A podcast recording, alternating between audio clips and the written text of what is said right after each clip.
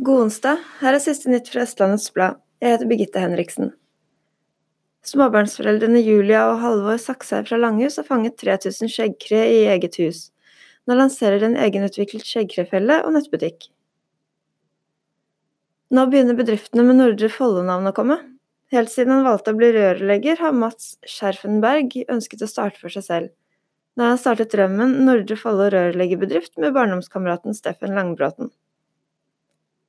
En 27 år gammel mann fra Ås er siktet for helleri etter at han skal ha lagt stjålne sykler til salgs på finn.no.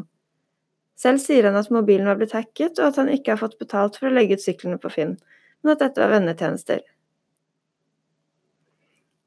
Politiet aksjonerte tirsdag mot ungdomsmiljøet i Ski. Det ble gjort et stort narkobeslag.